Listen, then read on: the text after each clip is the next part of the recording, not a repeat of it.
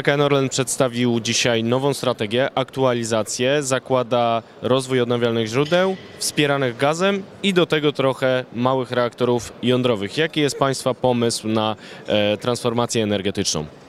No, pomysł jest e, dosyć prosty w zamyśle. Transformacja energetyczna jest nie- nieuchronna, ale musi przebiegać w sposób bezpieczny. To znaczy musi przebiegać w takim tempie, żeby nie generować zbędnych napięć. Z takimi napięciami mieliśmy do czynienia w 2021 roku e, kiedy to w trakcie pandemii na przykład wyłączono bardzo dużo rafinerii, a potem się okazało, że popyt się odbudował i na rynkach globalnych zabrakło paliw i gazu. Więc y, trzeba po prostu trochę z tą transformacją, tak jak ze wzrostem gospodarczym, e, rozwijać się najszybciej jak można, ale uważać, żeby nie przegrzać gospodarki, jak i transformacji. E, A zatem mamy tam odnawialne źródła energii, port instalacyjny w Świnoujściu i morskie farmy wiatrowe. Jaką będą rolę odgrywały w Państwa strategii? Więc y, jesteśmy, znaczy myślimy i tak widzimy przyszłość, że odpowiedzialny jakby jest dostawca energii musi, czy powinien zapewniać jej ciągłość. No w związku z tym, jeżeli rozwijamy potencjał odnawialnych źródeł energii, to musimy pomyśleć, co będzie, jeżeli przestanie wiać albo przestanie świecić. No i do tego będą wykorzystane nasze instalacje gazowe, które budujemy w tej chwili. One w tej chwili dekarbonizują gospodarkę, bo im ich więcej mamy, tym mniej węgla trzeba zużywać. Rozwijamy własny gaz, bo ten własny gaz po prostu jest potrzebny do tego, żeby e, nie polegać na kontraktach. Po pierwsze, kontrakty no to są dostawy z zewnątrz, po drugie, kontrakty mają to do siebie, że zwykle są take or pay, natomiast gaz w przyszłości będzie potrzebny impulsowo.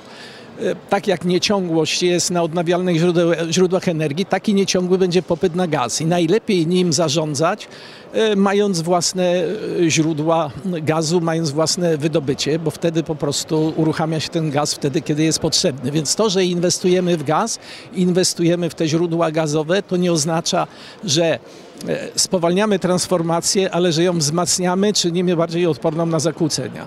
I trzeci komponent to są małe reaktory jądrowe z pierwszym w 2028 roku.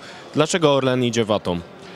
Nie widziałem żadnego scenariusza klimatycznego, globalnego, gdzie by nie byłoby atomu. Po prostu z dzisiejszej perspektywy, tak, jeżeli transformacja ma się powieść, to w przeciągu, że trzeba inwestować w technologie, które jakby to powiedzieć, będą mogły być komercyjne w ciągu 10 lat i będą, nie będą generować emisji. Takimi technologiami są technologie jądrowe.